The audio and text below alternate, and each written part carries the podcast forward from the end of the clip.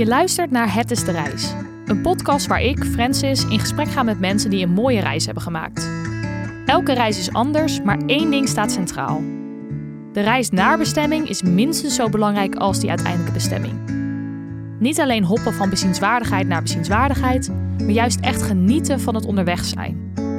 Kortom, het is de reis, niet de bestemming.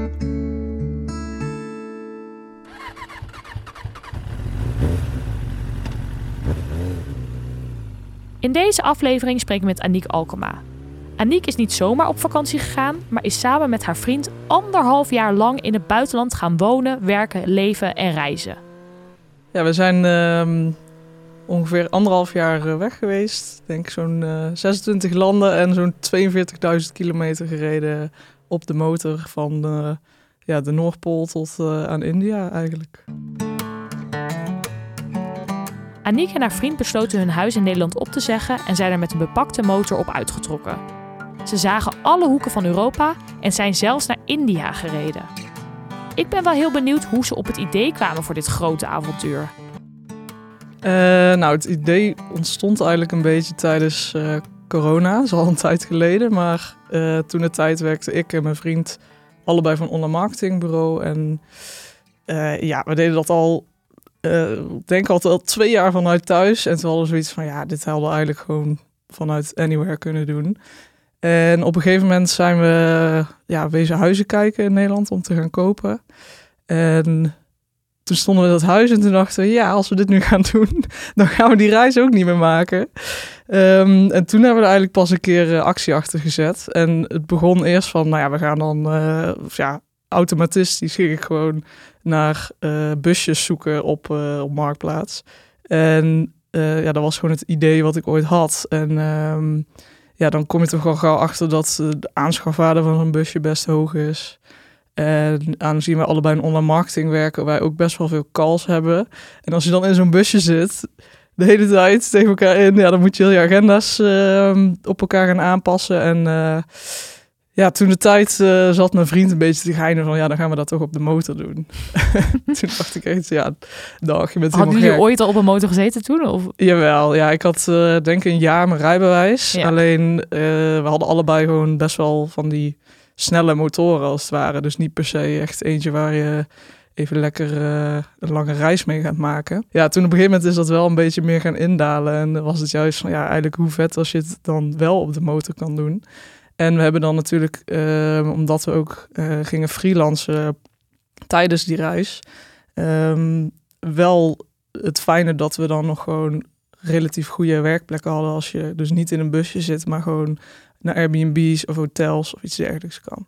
Dus eh, dat was eigenlijk een hele mooie afwisseling, eh, denk ik, tussen nou ja, soms kamperen en soms gewoon even weer lekker ja, wat luxer in een Airbnb te zitten Ja, en dan goeie. vanuit daar te werken. Ja. En hadden jullie al motors? Of hebben jullie die toen moeten aanschaffen? ja, toen hebben we dus inderdaad eh, eigenlijk onze eigen motoren die we toen hadden, hebben we verkocht. Ah ja. En met twee eh, ja, adventure bikes eigenlijk voor gekocht. Daar kun je wat meer eh, ja, bagage op kwijt. En ook zeker voor de langere afstanden, als je gewoon even op de snelweg moet, dan, eh, dan is dat wel prettiger om, om daarop te zitten. Dan zit je niet helemaal voorover gebogen. En ehm, ja, die hebben we toen eh, daarvoor eh, speciaal gekocht. En, eh, ja. En zijn dat dan, du- hoe duur is zoiets, zeg maar, zo'n motor? Eh, ja, tweedehands. eh, voor de kenners, we hebben een BMW GS eh, motor. En allebei. Dat hadden we ook bewust gedaan, zodat we wel een beetje hetzelfde als vergelijkingsmateriaal hadden. En mijn vriend is wat groter, dus hij kon dan een wat meer grotere motor kopen en ik een iets kleinere. Zodat ik wel nog met mijn voeten bij de grond kon. Ja, Dat is wel fijn met zoveel bagage. slim. Ehm, ja, tweedehands. Ik denk dat ik 6000 euro voor die motor heb gekocht. En daar kreeg ik dan de koffers bij. Eh, maar ik heb er wel nog valbeugels op laten zetten. En wat, eh, ja, een wat groter scherm voorop, zodat je wat minder wind vangt. Ja, dat soort aanpassingjes. Ik denk uiteindelijk dat we met 7000 euro, ik eh, met mijn motor in ieder geval klaar was. Ja. Oké, dat is inderdaad wel echt een stuk goedkoper dan als je inderdaad een busje of zo had gekocht, denk ik. Ja, ja, natuurlijk moet je er wel weer twee kopen. Ja, dat is zeker. Je zou ook nog eh, met één motor kunnen gaan natuurlijk. Dat Ja. zien we ook nog wel eens mensen doen. Maar Ja? Ja, ja zeker. Maar eh, omdat wij natuurlijk ook het werk samen deden... hebben we toch wel iets meer spullen, denk ik, nodig... dan eh, Ja. dat iemand gewoon alleen maar gaat reizen. Ja. En ehm, ja, het was gewoon best wel verbazingwekkend hoeveel spullen er toch nog in past. ja, want daar ben ik wel benieuwd naar. Want je hebt dan dus een soort koffers erop zitten of zo? Of hoe? Ja, je hebt eigenlijk twee zijkoffers en eentje bovenop. En ehm, ja, je kan ook nog achterop wat spullen doen. Dus hadden we ook nog tassen. En je kan ook nog voor op de tank een tas doen. Dus uiteindelijk heb je, ja, als je het allemaal naast elkaar uitlegt, heb je best wel gewoon een hele gang vol met eh, allemaal koffers en tassen waar het eh, prima in kon. En eigenlijk, ja, één koffer, die moest dan wel echt waterdicht zijn voor het eh, ja, materiaal voor werk. Zeg Ja, maar. de ja. laptop. eh, Ja, Ja. precies. De rest mag allemaal nat worden. ja. En wa- wat, wat neem je dan allemaal mee? Neem je ook, weet ik veel, heel veel kle- kledingsetjes mee? Of probeer je wel echt een beetje licht in te pakken? Ja, we hebben eigenlijk voordat we weggingen, hebben we drie weken even een testrun gedaan met wat hebben we nou inderdaad Oh, nodig. slim, ja. Eh, dus we zijn we naar eh, Zwitserland gegaan en ook gewoon een beetje gevoel krijgen met hoe makkelijk gaat het nou met werk en noem maar op. En dat was achteraf heel fijn, want toen konden we echt heel veel dingen weer aan de kant leggen toen we terugkwamen. Ja, goeie. Want eh, er waren, ja, je merkt gewoon heel erg snel dat je heel weinig kleding nodig hebt eigenlijk. Volgens mij hadden we allebei één lange broek bij ons en dan ja, je motorkleding en een aantal shirtjes en misschien nog een keer voor het leuk eh, rokje of zo, maar eh, dat was het dan echt. En ja, plus, je kan maar beter gewoon minder meenemen. En als je echt nog iets nodig hebt, kun je altijd nog ergens wat kopen. Dus dat was wel heel prettig. En ja, het is gewoon niet zo fijn om heel die motor vol gepakt te hebben als het ware. Dus eh, ja, verder hadden we gewoon kampeerspullen bij ons. Dus een tentje en ook wel dat we zelf wat dingen konden koken. Dus een Oh, pannensetje. En ehm, ja, voor de rest slaapzakken en eh, ja, kleren. En Hebben jullie dat veel gebruikt? Dus die kampeerspullen en dat soort dingen? Eh, in het begin wel, omdat we eerst naar Scandinavië zijn gegaan. En daar kun je gewoon eh wild kamperen eigenlijk, Oh ja. gratis, overal. Ja. En ja, dat was echt super gaaf om te doen. En dat maakt ook het reizen in Noorwegen heel goedkoop. Want je kan daar overal doen. Ja, en anders is het heel Dus, duur. eh, ja, nou ja, voor het werken deden we dat dan niet. We deden eigenlijk de maandag, dinsdag, woensdag deden we werken. En in het weekend deden we rondreizen. Oké, En eh, ja, in dat weekend gebeurde het dan dus vaak dat je in zo'n tentje ligt. En eh, maandag, dinsdag, woensdag hadden we dan meestal gewoon een vaste plek met goed internet. oké, ja, slim. En ehm, ja, zeker in het begin hebben we dat heel veel gedaan. Alleen toen kwamen we dus wel een beetje achter van oei, dat is... Best wel zwaar. Want de hele tijd in zo'n eh, tentje liggen, ja, dat is natuurlijk niet de allerbeste nachtrust die je dan hebt. En eh, zeker in combinatie en met lange reizen zijn we toen al een keer allebei eh, een beetje ziekteverschijnselen gekregen. Oh, we moeten echt even rustig aan doen. Want Ja. het was natuurlijk ook in het begin, dus dan ben je nog heel enthousiast. Je wil elke dag weer door en nieuwe dingen zien en nieuwe dingen doen. En dat hebben we daarna wat minder, minder gedaan eigenlijk. Maar nog steeds altijd een heel fijn idee, mocht je ergens stranden of ja, mocht er echt iets fout gaan of zo, dat je nog altijd ergens gewoon bij je motor kan blijven en daar overnachten. Ja, goeie. Ehm, dus dat was wel heel fijn dat je altijd een beetje zelfvoorzienend eh, kon zijn. Ja. Ja, dus jullie hebben inderdaad dus in eerste instantie even drie weken het uitgeprobeerd. En toen zijn jullie dus echt vertrokken. Hoe erg hadden jullie toen op dat moment plannen vaststaan? Hadden jullie toen wel bedacht, we gaan in ieder geval zoveel maanden en dan kijken we daarna door? Of hoe hebben jullie dat aangepakt? ja, we hadden ongeveer voor een half jaar wel een beetje een route in eh, gedachten. Dus we zijn toen eerst naar de, eh, Scandinavië geweest, dus eigenlijk tot de Noordpool gereden. En toen had eh, mijn vriend toevallig nog een vakantie staan in Portugal. Dus toen zijn we in drie weken keihard naar beneden gereden. En eh, dat was ook echt, ja, weet je, eh, Duitsland of in Frankrijk, daar komen we vast nog wel eens met de motor. Dus dat vonden we ook niet zo erg. Dus dat was wel een paar dagen dan heel snel rijden. Ja, ja. En toen eh, zaten we dus inderdaad naar Portugal en we wisten dat we in de winter in ieder geval op de Canarische eilanden zouden willen zitten. Omdat ja, de winter in eh, Europa niet heel erg eh, aantrekkelijk is op de motor. Dat is toch Nou, wel wat frisser. Ja. En ehm, we zijn al een keer op de Canarische eilanden geweest en daar is echt een motorwalhalla gewoon. Dat is Echt? Oh, dat wist ik helemaal niet. waanzinnig daar. Nice. Ja, Gewoon hele goede wegen ook. Of... Hele goede wegen, maar vooral heel eh, bochtige wegen. En ja, dat is gewoon voor motorrijden het allerleukste om lekker in die bochten te hangen natuurlijk. En ik ben ook echt verbaasd sinds de eerste keer dat we daar kwamen hoe intens mooi dat die eilanden zijn. Als je, ze zijn een beetje bekend om eh, de Costa del Sol-achtige eh, plekjes. En Ja. die hebben we super hard vermeden, want daar zijn we allemaal heel erg allergisch voor.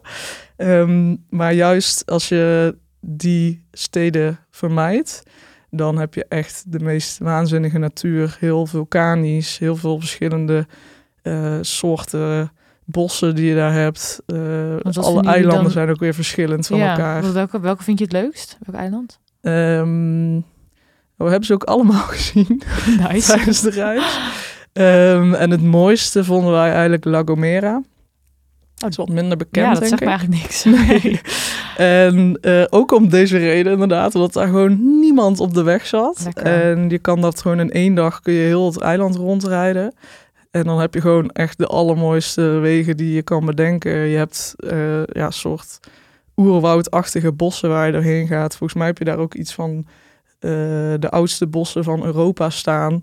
Eh, heel erg ja, mythisch en eh, bijna Hawaii-achtige vibes die je daar hebt. Dus Oh, echt super mooi om daar te rijden. Ja. En hoe kwamen jullie op die eilanden? Zijn jullie daar met de boot heen gegaan of gevlogen? ja, vanuit Zuid-Spanje kun je de boot nemen. Ah, Die oké. doet er 38 uur over. Want, eh, dit. de, de eilanden zijn wel van Spanje, maar ze liggen eigenlijk ter hoogte van Zuid-Marokko. Eh, dus het is nog best wel een eindje. Eh, maar goed, ja, je kan gewoon slapen op die boot. En ja, ben, ja, het is wel even een lange reis, maar eh, ehm, ja, wel hartstikke waard. En we zijn er ook twee maanden bij die eilanden geweest. Dus ja, in principe is het prima te doen. En toen hebben jullie dus daar dus een beetje overwinterd. Eh, en toen zijn jullie dus teruggegaan, denk ik. En wat hebben jullie toen gedaan? Eh, klopt, we hebben de boot teruggepakt. Toen ehm, zijn we eerst nog op wintersport geweest met de motoren. nice. Vrienden van ons die hadden eh, de, ja, onze spullen eigenlijk meegenomen vanuit Nederland. Super lief. En ehm, toen zijn we daar een weekje geweest. Hebben we Leuk. nog vrienden gezien. En toen was het inderdaad van, nou ja, nu hebben we eigenlijk alles afgetikt wat we gepland hadden. En toen hadden we zoiets van, ja, we willen eigenlijk gewoon veel avontuurlijker eh, gaan. Want het, ja, het is allemaal super gaaf en mooi, ook in Europa. Eh, maar het voelt nog steeds ja, niet super avontuurlijk voor ons. Dus toen zijn we inderdaad eh, naar de Balkan gegaan. En ehm, ja, eigenlijk alle Balkanlanden gehad. En eh, toen waren we in Turkije. Nou, dus ik ben het zo de hele tijd aan het oprekken, zeg maar. Nou ja, de Turkije gaat eigenlijk ook wel goed. Eh valt allemaal ook wel heel, heel nice. Ehm, toen zijn we naar Georgië gegaan, ook super mooi. Toen kwamen we in Armenië aan. En toen kwam er wel even een puntje dat we dachten, ja, die, ah die landen die er nu, eh, waar we nu nog optie uit hebben, zijn er niet zoveel. En ook wel iets controversiële landen eigenlijk dan, dan dat we gewend waren. En het mooie is dat als je dus inderdaad op zo'n reis bent, je komt heel veel mensen tegen die eh, een beetje hetzelfde idee hebben. En ehm, die komen ook allemaal een beetje op dezelfde plekken. Dus op een gegeven moment zaten we op een camping in Armenië, van Nederlandse eigenaren ook. En ineens zaten daar allemaal mensen met eh, busjes en motoren. En die hadden allemaal helemaal wilde plannen. Die gingen naar Australië, die gingen naar Japan, die Wat gingen cool. naar allemaal super heftige dingen die zij. En wij zaten echt van ja, weet je, als zij het doen, ja, dan kunnen, wij, dan kunnen wij het ook wel, denk ik. Ehm, en ja, komt een hele rare bubbel eigenlijk, waar eigenlijk alles, eh, ja, niks is te gek. Ja. Alles kan. En ja, toen was van, nou, dan gaan we dan Iran doen en dan, eh, dan is het wel mooi geweest. Want ja, Iran is wel heel lastig om daar een beeld van te vormen. En om te weten wat je er allemaal moet, voor moet doen om het land in te komen. Ja, was het gewoon heel fijn om die mensen in Armenië daar allemaal te spreken. Ja, die En, kon een eh, beetje helpen waar je dan wat kon, eh, kon fixen. Ja, ja, want het is, eh, ja, internet, ja, het is gewoon heel lastig. Iran is echt helemaal afgesloten van, eh, van de wereld, zowat. Dus dat was wel heel, eh, heel spannend. En toen begon eigenlijk een heel ander hoofdstuk van eh, Iran, Pakistan en India, inderdaad. Ehm, waar het weer een totaal andere ervaring was. Dus Ja. ja, ja. Wow, als je het zo allemaal opdoet, dan klinkt het echt zo bizar wat je allemaal gedaan hebben. Ja, nogmaals, het is nog steeds... Een, op het moment dat je daar bent, dan zit je in die bubbel met allemaal andere reizigers... en is het de normaalste zaak van de wereld. En dan zit je hier in Nederland te vertellen... en dan denk je zelf ook van, jezus, Ja, heb ik dit gedaan? ja Heel bizar. wat ja. vet. En je zei al even dat dus de weken, beetje, je hadden wel echt een weekplanning. Dus maandag, dinsdag, woensdag werken en dan de rest reizen. Ehm, en probeer je dan inderdaad ook een beetje een chille Airbnb of zo te vinden voor die, voor die werkdagen? Ja, dan wilden we eigenlijk gewoon op een vaste plek zitten. Want ja, ook ehm, om de reis te bekostigen wil je wel nog steeds je klanten ook tevreden houden. Dus ja, dat was wel heel erg belangrijk. En dat werd ook steeds lastiger natuurlijk om een goede plek te vinden met goed internet. In Europa was echt geen probleem. Dan kon je gewoon overal, eh, wij wilden gewoon wel uh, ja, goede plekken vinden, mits je wel een beetje in de stad, uh, stadse deel zat. Het is eigenlijk gewoon altijd heel erg goed gegaan, mits je dus wel, uh, daar hebben we heel veel tijd in gespendeerd om de hele tijd reviews te checken van wat andere mensen van het internet daar vonden. want dat vonden we heel, gewoon heel erg belangrijk. Ja, ja. Ja dus zeg maar logistiek lukt het allemaal wel, maar ik ben ook wel benieuwd je bent natuurlijk ook op vakantie in hele vette landen. Of het zeg maar makkelijk is om jezelf ertoe te zetten. Om dan dus elke keer wel aan het werk te gaan. Ja, dat is dus grappig. Want ik had juist zelf heel erg de motivatie om goed dat werk te doen. Zodat ik dan in het weekend ook me echt kon focussen op dat reizen. Ja, en, um, het, ja, het maakt het werk ook minder erg om te doen als je weet dat je na een paar dagen toch weer uh, de wijde wereld in kan. Ja. dus in principe, ja, het uh, grappig, want die vraag krijgen we best wel vaak. Van ja, dan ben je op reis en dan wil je alleen maar dat doen. En ja, het is juist uh, met die mindset van oké, ik kan dit ook gewoon voor veel langere tijd doen als ik die drie dagen ook gewoon dedicated aan het werk ga. En ja, dat is denk ik een beetje eh, de instelling die je moet hebben als je dit voor langere tijd wil doen. Ja, ja dat is een goede. En uh, kon jullie dan ook dus inderdaad dat geld wat jullie daarmee verdienden bekostigde dat echt de reis? Of moest je ook nog wel flink wat geld sparen van tevoren? Um, nou, dat is het allermooiste van het uh, hele verhaal. Ik denk dat wij allebei uh, nog nooit zoveel verdiend hebben in een jaar omdat we onze tijd dus zo efficiënt hebben ingedeeld. Um, en de juiste klanten hebben gekozen voordat we weggingen. Uh, dat we dat op die manier hebben kunnen doen. Dus ja, we hebben eigenlijk gewoon geld gespaard tijdens het reizen. Wow, ja. Echt. Uh, het voelt als een of andere life hack van hoe kan dit in godsnaam? Maar ja, ik, uh, het, het, het, is mogelijk, dus dat was wel echt. Oh, wow. Dat had ik ook niet verwacht, inderdaad. Nee. En oké, dus dan die drie dagen ging je dan werken en daarna gingen jullie echt reizen. Um, maakten jullie veel kilometers elke dag? Waren jullie ook wel wat langer op, op één plek? Ja, um, wij wilden eigenlijk zo min mogelijk op de snelweg zitten. Oh, dus wat het dan vaak was, is um, eigenlijk... Oké, we kunnen ergens in een uur zijn als we de snelweg nemen. Maar als we deze supermooie route door de bergen nemen, dan doen we er zes uur over. dan hebben we iets meer kilometers, maar dan hebben we wel gewoon de allermooiste plekken van het land gezien. En ja, dat was gewoon een beetje uh, ja, door de landen heen kronkelen. En soms dan, dan is het misschien niet zo heel erg boeiend te zien. En dan waren het gewoon even een paar dagen weer wat sneller reizen. Dus dat ja, lag een beetje aan waar we zaten natuurlijk. Uh, maar het is wel heel fijn om die vrijheid te hebben om uh, ergens te blijven als je het leuk vindt. Alleen omdat wij ook zo graag motorreden, was het eigenlijk gewoon elk weekend van nou, waar gaan we nu weer heen? Ja. En dan plande je weer, uh, weer een paar dagen vooruit eigenlijk. Ja. Want hoe plannen jullie jullie route? Want je zegt dan nam je meer een soort van weggetje ergens door de bergen, maar doe je dat dan gewoon met Google Maps of hoe kom je erop? Ja, eigenlijk wel. Je hebt best wel veel um, ook ja, navigatieapparatuur voor motoren. Dus dat je bepaalde gekke wegen of iets dergelijks konden nemen. Nou ja, omdat wij zoveel spullen bij ons hadden, zijn wij uh, ja, vooral eigenlijk op het laatst pas uh, wat meer off-road-achtige dingen gaan doen. Ook omdat we er toen pas een beetje vertrouwen mee hadden. Of omdat het gewoon moest. Omdat ja. dan ineens de weg gewoon weg is en dat er een rivier overheen gaat. En je denkt, ja, ik moet wel echt aan die overkant zijn.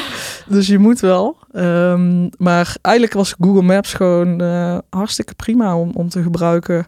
En ja, heel af en toe dan moet je een beetje ergens nog een keer de weg vragen. Of je komt af en toe op een weg uit en je denkt, nee, nee, nee, dit, uh, dit gaan we toch even niet doen. Ja, dan draai je om. Ja, dat, het, Google Maps is gratis. En um, het is wel natuurlijk een soort open source iets waarbij iedereen zijn ja, data daarin voedt. Dus het is eigenlijk het meest up-to-date navigatiesysteem, denk ik, wat er is. Dus dat is wel heel goed. Ja. Oh ja, dat is wel goed om te weten dat dat gewoon prima is inderdaad. Dat je niet echt geld hoeft uit te geven aan allemaal... Allemaal gekke apparatuur, ja. En het mooie is dat het ook gewoon allemaal... We hebben het wel een keertje gehad als we ergens een motor huurden... dat je dan zo'n systeem erbij krijgt. En dat werkt dan voor geen meter gewoon. Dat je denkt, hoezo kopen mensen dit voor 600 euro tegenwoordig? En ik heb gewoon een supergoeie telefoon voor. waar, waar heb je dan je telefoon, zeg maar? Kijk je gewoon soms even van, uh, oh, we zijn nu hier? Of heb je hem ergens op de motor geklikt? Ik heb nog nooit motor gereden, dus ik heb geen idee hoe dit gaat. nee, je kan hem gewoon in een, uh, in een ja, X-grip of iets dergelijks doen. Oh, dus ja. dan zit hij daar gewoon in vast. Oh, dus uh, we hadden eigenlijk gewoon een tweede telefoon bij ons. ook als backup telefoon, maar dat we gebruikten gewoon als navigatietelefoon. Omdat ook eigenlijk de trillingen van de, de motor eigenlijk niet goed is voor je, voor je Oh, telefoon. Dus Oké. eh, vandaar hadden we gewoon een backup telefoon. En dat was onze navigatie. eh, gewoon een oude telefoon die we hadden liggen. En dat werkte prima. Ja. En waarom, wat vind je zo leuk zeg maar, aan het op de motor zitten en zo'n dag lekker rijden? Ja, ik denk dat het ook wel goed aansluit bij jouw podcast. Ja. Want het is eh, natuurlijk normaal gesproken als je gewoon van A naar B gaat, dan doe je dat om naar B te komen. En met het motorrijden ben je juist ook onderweg ja, een hele grote hobby eigenlijk aan het uitoefenen. En ineens ben je ook nog op een plek waar je verder komt. En dat zeiden we ook tegen elkaar op de motor. Van ja, iedereen, het voelt zo ver weg. Maar eigenlijk het enige wat we aan het doen zijn is gewoon lekker leuk rondrijden. En ineens zit je in India. Ja. Want ja, het is echt eh, gewoon ja, bijna, het klinkt misschien heel hippie, maar het is wel een beetje een soort therapeutisch iets waar je lekker alleen maar met het rijden bezig bent, in die bochten goed pakken en ehm, ja, ook gewoon op de plekken komen waar je misschien met een auto of een bus wellicht minder makkelijk kan komen. Ja. Dus dat eh, is denk ik wel het mooie aan, aan met de motorreizen. ja. En hebben jullie ook wel eens, zeg maar, ging het altijd goed met de motor? Of waren er ook wel eens dagen dat je echt denkt, "Pff, ik ben er echt helemaal klaar mee? Oeh, ja, nee, dat was. eh we hebben wel wat dingetjes gehad. En dat is eigenlijk bijna altijd met mijn motor geweest. Ehm, maar eh, ja, heeft het gelukkig gered. Ja. En het begon eigenlijk al toen we in Turkije waren. Dat eh, nou, op een gegeven moment was het echt serieus tegen de 50 graden aan. Eh, hele, hele warme dag. Ja, dan kun je ook wel verwachten dat er op een gegeven moment een beetje problemen zijn. En wat je dus heel erg hebt in die landen is dat zij de benzinekwaliteit heel slecht is. En dat is iets waar wij in Nederland natuurlijk nooit over nadenken. Want ja, als ik nou naar de BP of naar de Shell ga of wat dan ook, ja, maar hij- doet het wel. ja, ja, ja. En daar moesten we daar dus echt heel erg op oppassen. Omdat je dus eh, bepaalde tankstations ook hebben die bijvoorbeeld met water vermixen. Eh, wat natuurlijk helemaal niet goed is. Maar ja, zij willen gewoon meer geld verdienen. Zo gaat dat een beetje in hun hoofd. Of ja, de kwaliteit is gewoon minder goed. Of de controles zijn daar minder goed op. Waardoor ja, je motor daar ook gewoon minder goed op rijdt. En mijn motor kon er dus niet zo goed tegen. Dus af en toe dan eh, begon die een beetje te stutteren en uit te vallen. En dat heeft zich eigenlijk heel random af en toe weer opgedoken. Ehm, en natuurlijk op de momenten dat je het niet wil. ja. Op een gegeven moment waren we in Iran. Toen zaten we in de, de heetste woestijn ter wereld. En toen hield hij natuurlijk ook mee op. En wij gingen echt kapot van de hitte, want we Oh. wilden er zo snel mogelijk doorheen. En toen hebben we dus inderdaad met een touwtje een soort van vlechtje gemaakt en eh, die motor eh, gesleept. Die van Sander deed het gelukkig nog wel. Dus ja, toen, eh, en het mooie, of ja, mooie, het vervelende toen was, was dat we de volgende dag Pakistan in zouden gaan. En je moet dus een militaire escort nemen als je ehm, van Pakistan vanuit Iran binnenkomt. Omdat je dan door een gebied komt wat grenst aan Afghanistan, waar nu de Taliban heel erg actief is. Oh god, ja.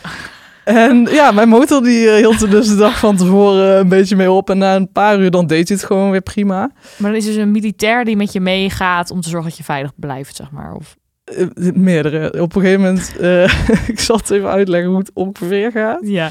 Ehm, ze doen het dus inderdaad om hun toeristen die het land bezoeken gewoon veilig te houden.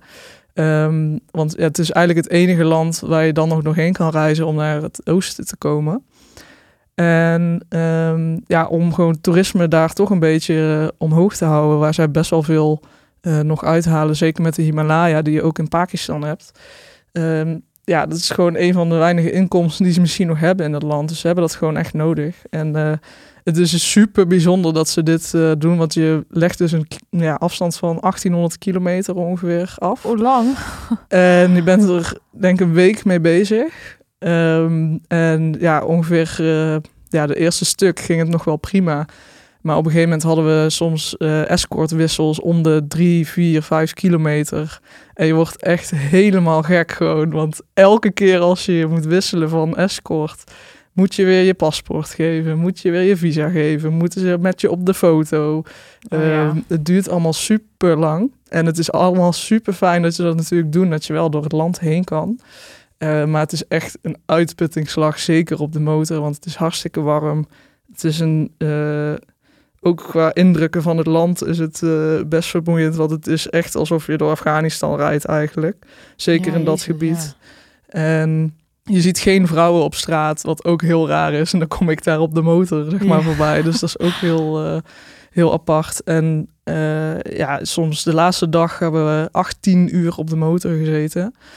Omdat we dus de hele tijd eh, aan het wisselen waren. En soms dan zat je achter een scooter waar dan een, een gast met een AK-47 zo achterop zit om jou te bewaken. Wat super bizar is. En eh, ja, soms dan eh, had je gewoon een jeep die ineens eh, 120 km per uur over een zandweg ging scheuren. En je moet het dan maar bijhouden. Dus ja, dat is echt waanzin. Maar voelde je wel veilig, zeg maar? Eh, ja, want je hebt wel een paar gasten bij je die, Ja. die natuurlijk eh, er gevaarlijk uitzien met die geweren.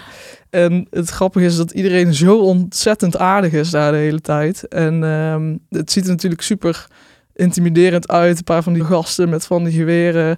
En ze zitten gewoon de hele tijd grapjes tegen, te- tegen je te maken. Dus dat maakt het dan ook wel ergens heel erg mooi. Omdat eh, ja, je, je maakt toch wel een, ja, misschien een vooroordeel of iets dergelijks als je het ziet. Maar juist als je dat ervaart, dan zijn het gewoon met mensen zoals jij en ik. En eh, dat is wel weer ergens heel erg mooi. Dus daar hebben we ons niet eh, per se onveilig gevoeld. Ik voelde me meer onveilig dat ik op een gegeven moment dacht van... nou jongens, ik val die motor af gewoon, want het is zo, zwaar. heet. Ja. Ja, en je sliep gewoon op politiestations, eh, op de grond, soms op het dak, eh, omdat het te warm was. Oh, jeetje. Eh, dus dat was wel eh, de heftigste week die ik in mijn leven heb ja, meegemaakt. heel bizar om mee te maken inderdaad.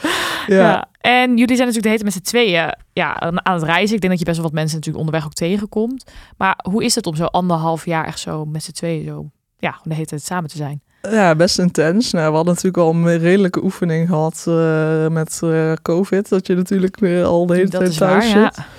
Ehm, maar ja, wij zijn allebei niet eh, ja, heel nuchtere personen, denk ik. Dus niet de meest moeilijke mensen. Ik denk dat dat ook wel helpt. Want ja, je zit natuurlijk wel de hele tijd met z'n tweeën. En ehm, ja, het is nu zelfs zo erg dat als ik dan een halve dag nu van huis ben, dat echt weer is van, huh, waar is Sander? het is een soort van onderdeel geworden van mijn, eh, van mijn lijf of zo. Heel raar. Ehm, maar eigenlijk is het vrijwel altijd goed gedaan. Ja, tuurlijk heb je af en toe wat irritaties eh, tegen elkaar. Of ehm, ja, eh, ik denk wel een hele mooie test geweest voor onze relatie in die Nou ja, oprecht, ja. Dus ja, dat is alleen maar heel mooi. Maar ja, eigenlijk ging dat prima. En is het ergens heel bijzonder dat we dit met z'n tweeën zo hebben kunnen doen. Want ja, dus we zijn ook heel veel mensen tegengekomen die dan bijvoorbeeld alleen rijden met een motor. En die zeggen van, oh, het lijkt me super gaaf om met mijn vriendin te doen. Maar ze Ja. werkt in de zorg bijvoorbeeld.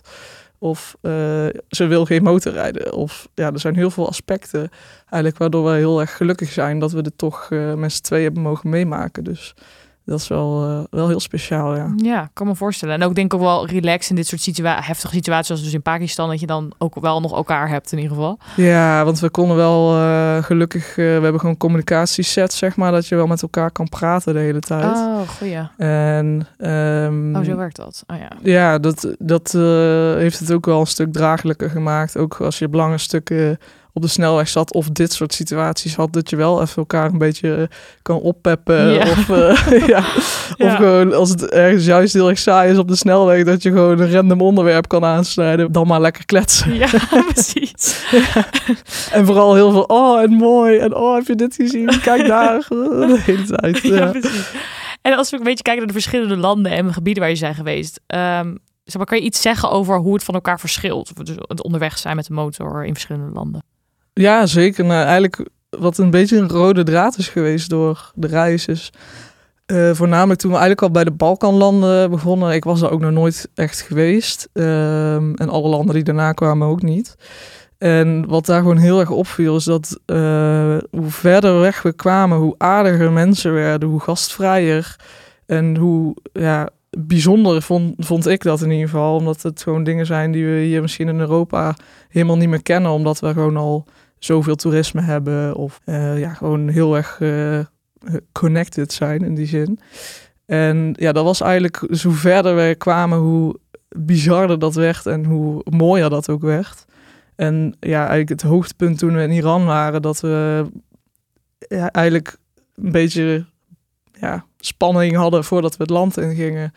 Oeh, hoe zou het zijn? Hoe zouden mensen zijn? Hoe reageren ze op ons? Je hebt natuurlijk best wel veel restricties, ook voor vrouwen. Er komt er ineens zo'n vrouw op de motor Ja, snap ik. langs.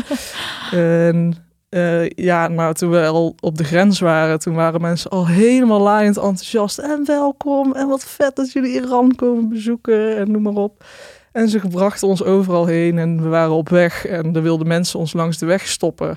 En we dachten, oh nee, dit is niet goed, weet je wel. Mensen die weer gaan ons beroven of wat dan ook. Eh, dus wij probeerden dan het weer weg te rijden. En op een gegeven moment bleven ze maar en bleven ze maar. En toen uiteindelijk stopten ze ons uiteindelijk. En eh, dat was dan om te vragen of we alsjeblieft bij hun thuis wilden komen slapen. Want ze vonden het zo bijzonder dat we het land bezochten. En Mooi. eh, door heel Iran hebben wij denk ik maar een paar keer echt in een hotel geslapen. Omdat wij gewoon, ja, eigenlijk bijna overal waar we kwamen, kwamen mensen met je kletsen. eh, vragen, echt continu vragen of je thee wil of dat je bij wil komt, komt slapen of Oh, noem maar op. Dus eh, we hebben daar heel ja. veel bij mensen eh, thuis gezeten eigenlijk. En dat was ook wel fijn omdat eh, in Iran dus inderdaad een Google of een Facebook of dat soort dingen is gewoon allemaal verboden daar. En dan is het gewoon heel lastig om een accommodatie te boeken, omdat we daar wel in alle andere landen gewoon heel makkelijk gebruik van maakt. En Ja, daar kan dat inees niet. En eh, alles is in het Farsi, dus ja, daar kan ik ook helemaal niet lezen of wat dan ook. En Google Translate, die kan daar ook helemaal niks mee. Dus je kan ook niet even je, je website vertalen of iets dergelijks. Dus ja, dat was wel heel bijzonder. En dat is eigenlijk gedurende de hele reis eh, werd dat steeds eh, gastvrijer en gekker en, en mooier, denk ik, in die zin. Maar dat was natuurlijk ook... Mensen zijn er helemaal niet gewend dat daar toeristen komen. Nee. En ze willen gewoon heel graag laten zien eh, hoe mooi een land is, ondanks dat er dus heel veel negativiteit is. Oh, dat vind ik wel echt heel mooi inderdaad. Ja, En kan je misschien één overnachting of één iemand die je hebt ontmoet een beetje uitlichten wat heel bijzonder was? Oeh, even denken hoor. Ehm, ja, we hebben toen, eh, ook in Iran eigenlijk was dit. Toen hebben we twee eh, zusjes ontmoet. En eh, dat was nog in het noorden van eh, Iran en zij waren daar ook gewoon aan het reizen. En op een gegeven moment zeiden ze van, nou, als je naar Shiraz komt, dan, eh, dan moet je ons maar bellen. Dus we hadden een berichtje gestuurd. En uiteindelijk waren alle mensen die we daar ook tegen waren gekomen in dat hostel waar we hun hadden ontmoet, die waren ook op exact hetzelfde moment, waren zij ook daar bij haar aan het logeren. En eh, ze hadden gewoon een extra appartement voor ons geregeld, waar we dan in konden slapen.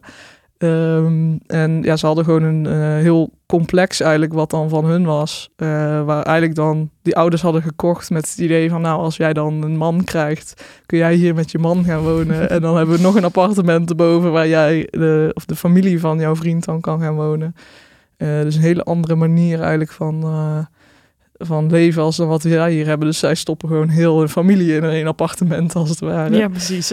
En ehm, ja, dat was gewoon heel erg bijzonder, omdat we toen ook met die ouders heel veel eh, om tafel hebben gezeten. En zij kwamen ontbijt brengen, avondeten brengen. Ehm, en zij waren ook heel nieuwsgierig naar ons. Dus zij waren ook gewoon aan het vragen van... hey, eh, wat is jouw samenstelling thuis met de familie? En wat is je band met je familie? En heel nieuwsgierig hoe wij dan eigenlijk ook leefden in Europa. Omdat het, ja, zij spreken ook gewoon nooit Europeanen, denk ik. En ehm, waar zij het dus ook heel veel over had, was eh, eigenlijk al haar vrienden probeerden het land uit te komen. Van de 30 eh, mensen uit haar klas waren al 18 mensen naar het buitenland. En zij was dus ook bezig om ja, zichzelf zoveel mogelijk op te leiden om uiteindelijk maar Iran uit te kunnen. Want ze zei, ja, ik heb gewoon geen toekomst hier en ik, eh, ik wil gewoon weg. En dat is wel, het- daarom heeft mij dat heel veel indruk gemaakt. Omdat je ook heel veel gesprekken met hun hebt over hoe het leven daar is. En Ja. eh, dat is wel heel bijzonder, ja. Ja, ja, heel bijzonder. En als we het hebben over meer echt wegomstandigheden en gewoon omstandigheden voor de motor, waren er dan landen waarvan je denkt, oh, dat zijn juist fijne landen om te zijn en dat zijn misschien landen die je beter kan overslaan? Eh, nou ja, Pakistan dan, die militaire escorts was heel pittig. Maar ook daarna zijn we de Himalaya ingegaan. En dat is eigenlijk, ehm, het heet de Karakoram Highway. Maar ja, met een highway denk je dan, oh, dat is een hele mooie weg. Eh, maar het was meer eigenlijk gewoon eh 33 rivieren oversteken, als het ware. Ehm, maar uiteindelijk zijn we wel ehm, op het allermooiste plekje beland... eh, wat we eigenlijk de hele reis hebben gezien omdat Pakistan, geloof van de 14 eh, pieken die boven de 8000 meter zitten, zitten er iets van acht of zo in eh, Pakistan. Ik weet de Oh. aantallen niet precies, maar in ieder geval wel heel heleboel die daar zitten. Ja. En dat is zo waanzinnig om te zien, want je bent eigenlijk al op een plateau van 3.000, 4.000 meter in het dal. Terwijl dat in eh, ja, de Alpen bijvoorbeeld is dat al bijna de, een van de hoogste pieken die die je kan hebben. En dan zit je in het dal en dan word je nog door 8000 meter hoge bergen waar helemaal niemand woont eh, omringd. We waren toen in de herfst, dus het was allemaal helemaal mooi geel met rode bomen. Eh, ja, dat was heel bijzonder, maar dus echt een crime om daar te komen. dat was heel erg lastig, wel echt de moeilijkste wegen hebben we daar gehad. En ja, eigenlijk de, de makkelijkste of mooiste wegen in die zin was voornamelijk in Noorwegen. Eh, omdat daar heel rustig is, maar ook omdat de mensen daar in het verkeer echt zo ja. intens fijn zijn. Ja. Gewoon mot- motoren hebben gewoon overal voorrang. Dus je hebt gewoon. eh, of ja, dat, dat, dat zit meer in hun cultuur. Dat is niet in de, in de regels of iets dergelijks. Maar als je als motor ergens achteraan aan het rijden bent, dan gaan ze gewoon voor je aan de kant. Zodat jij ze makkelijk kan inhalen. Oh, wat relaxed. En dan mag je gewoon weer door, omdat ze een soort van weten dat ze motoren toch harder rijden of iets dergelijks. Of ja, ik weet het niet precies eigenlijk waarom, maar dat was echt eh, zo relaxed. En ook ja, de, de wegen, het maakt helemaal niet uit waar je rijdt. Het is allemaal zo mooi eh, door de bergen heen. En ehm, wat, wa- wat ons ook heel verraste was eh, Montenegro. Daar hebben ze dus ook echt in het land heel veel geïnvesteerd in de infrastructuur. En daar zijn de wegen gewoon allemaal hartstikke nieuw nu. Dus heel mooi om doorheen Oh, wat te goed. rijden. En bijvoorbeeld in Albanië, ik ben daar toevallig vorig jaar ook geweest, toen hoorde van iedereen, de wegen zijn daar echt verschrikkelijk. Dat is echt één groot drama. Is dat dan inderdaad, is dat ook echt zo? Ja, dat was toen inderdaad. Toen, eh, er werden al heel erg gewaarschuwd door alle mensen die in de Balkan Ja, wonen. die hebben een beetje een soort van fitty met, eh, met Albanië. Niemand vindt hen echt leuk of zo. en eh, toen we daar inderdaad binnenkwamen, was het al meteen dat we echt dachten... Jezus man, wat gebeurt er hier in het verkeer? Mensen die het... eh, eh, ja, gewoon de, het recht van de, van de snelste, zeg maar. eh, dat was de, de regel. Van, Ja. ja, als je voorrang neemt, dan heb je voorrang. Eh, maar we waren toen wel echt gewoon verbaasd. Van, nou, op een gegeven moment zagen we een paard en wagen die tegen het verkeer in op de snelweg kwam. En toen dachten we echt, wat is dit jongens? Wat gebeurt hier? Maar ja, en dan ook eh, flash forward naar India. Dan is het nog echt keer 10 miljoen gewoon ernstig. Dus Ja, iedereen op dezelfde weg. Ja, ja, India is echt eh vak apart. Gewoon. dat is, eh, er zijn ook gewoon zoveel mensen. ja. eh, waardoor gewoon heel dat verkeer is gewoon... eh, ja, dus in India was natuurlijk het laatste land waar jullie naartoe zijn gegaan. Ja. Eh, hadden jullie echt zoiets toen van, het is gewoon goed geweest, we willen er weer terug? Of waarom besloten jullie toen eh, terug te gaan? ja, toen al zoiets van, hey, we zijn al zo lang weg. En ehm, ja, soms betrapte ik mezelf erin dat ik er niet zo heel veel zin meer in had. Ook gewoon om de hele tijd weer dingen te regelen en de hele tijd weer op nieuwe plekken te zijn. En kon daar niet meer lekker settelen. Ja, we hadden nog het idee om dan misschien weer terug te gaan. Maar in Iran was er toen, de, eigenlijk toen we weggingen, waren er toen eh, opstanden Waardoor het dus nu weer lastiger is om het eh, land doorheen te reizen. In Armenië beginnen ook weer allerlei gekke oorlogen met Azerbeidzjan.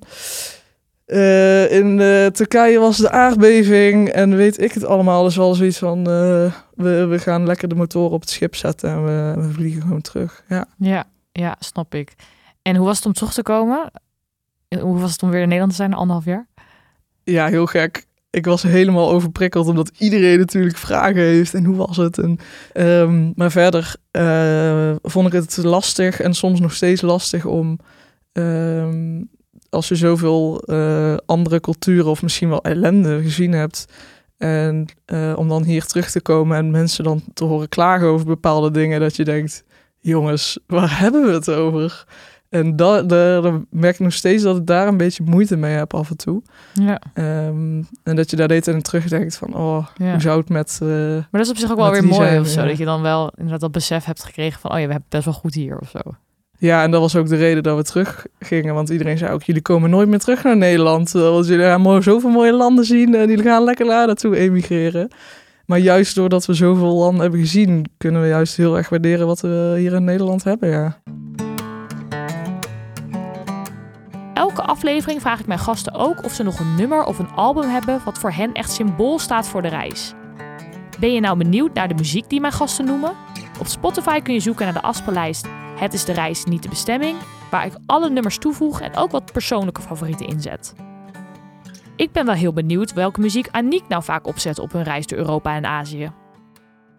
Uh, ja, maar dat is echt een beetje een soort desert rock uh, muziek. Oké, vertel. Dus uh, ik ga het ook niet zeggen, want het is een of andere band uit Libië, geloof ik. Ja. Ehm, maar Tinariwen heet het. En ja, zij maken, ja, het klinkt ook allemaal een beetje oostersachtige muziek, maar wel ja, heel chill eigenlijk. Een soort bandje is het. En ik weet niet of je toevallig ja, dat is ook wel heel anders trouwens. Dat is meer feestmuziek. Maar Omar Soleiman, dat is een, een Syrische man, geloof ik. En die maakt weer Turkse feestmuziek eigenlijk.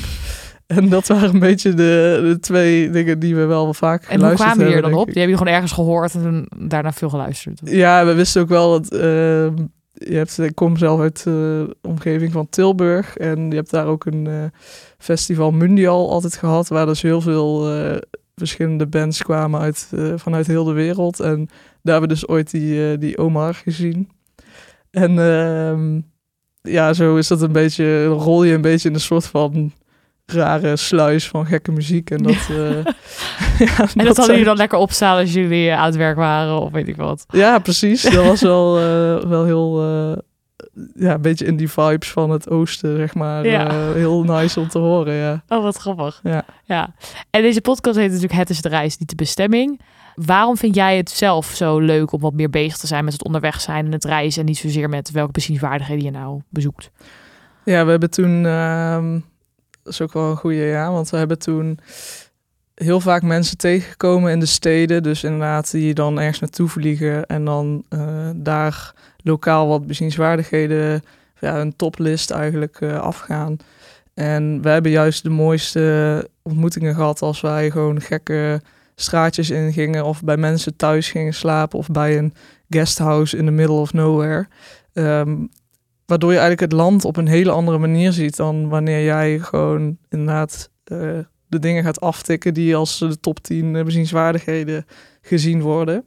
En dat hadden we heel erg toen we in Kroatië waren. Bijvoorbeeld dat we toen net een paar dagen gewoon uh, door het land, gewoon het platteland heen gereden zijn. En dan kom je ineens in zo'n bubbel waar dan allemaal mooie stranden zijn en heel veel toerisme, noem maar op. En dat uh, mensen dus ook daar, die we daar tegenkwamen, zeiden van... oh, dit is echt super hip Kroatië, weet je wel. Dat we dan dat beeld hadden van het land. Terwijl wij net ergens uh, bij een boerderij hebben gezeten met een of andere man met dreadlocks uh, bij hem thuis in de sauna.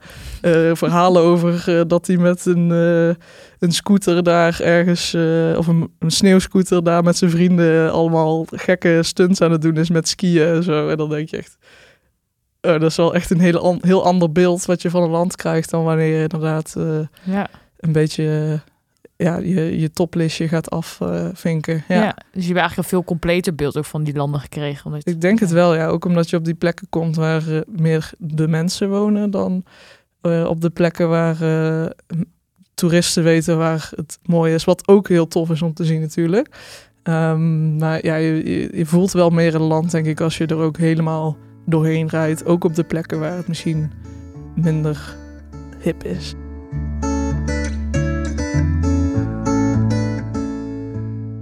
Dit was Het is de Reis. Benieuwd naar wat foto's van de reis van Aniek? Kijk dan op de Het is de Reis Instagram pagina.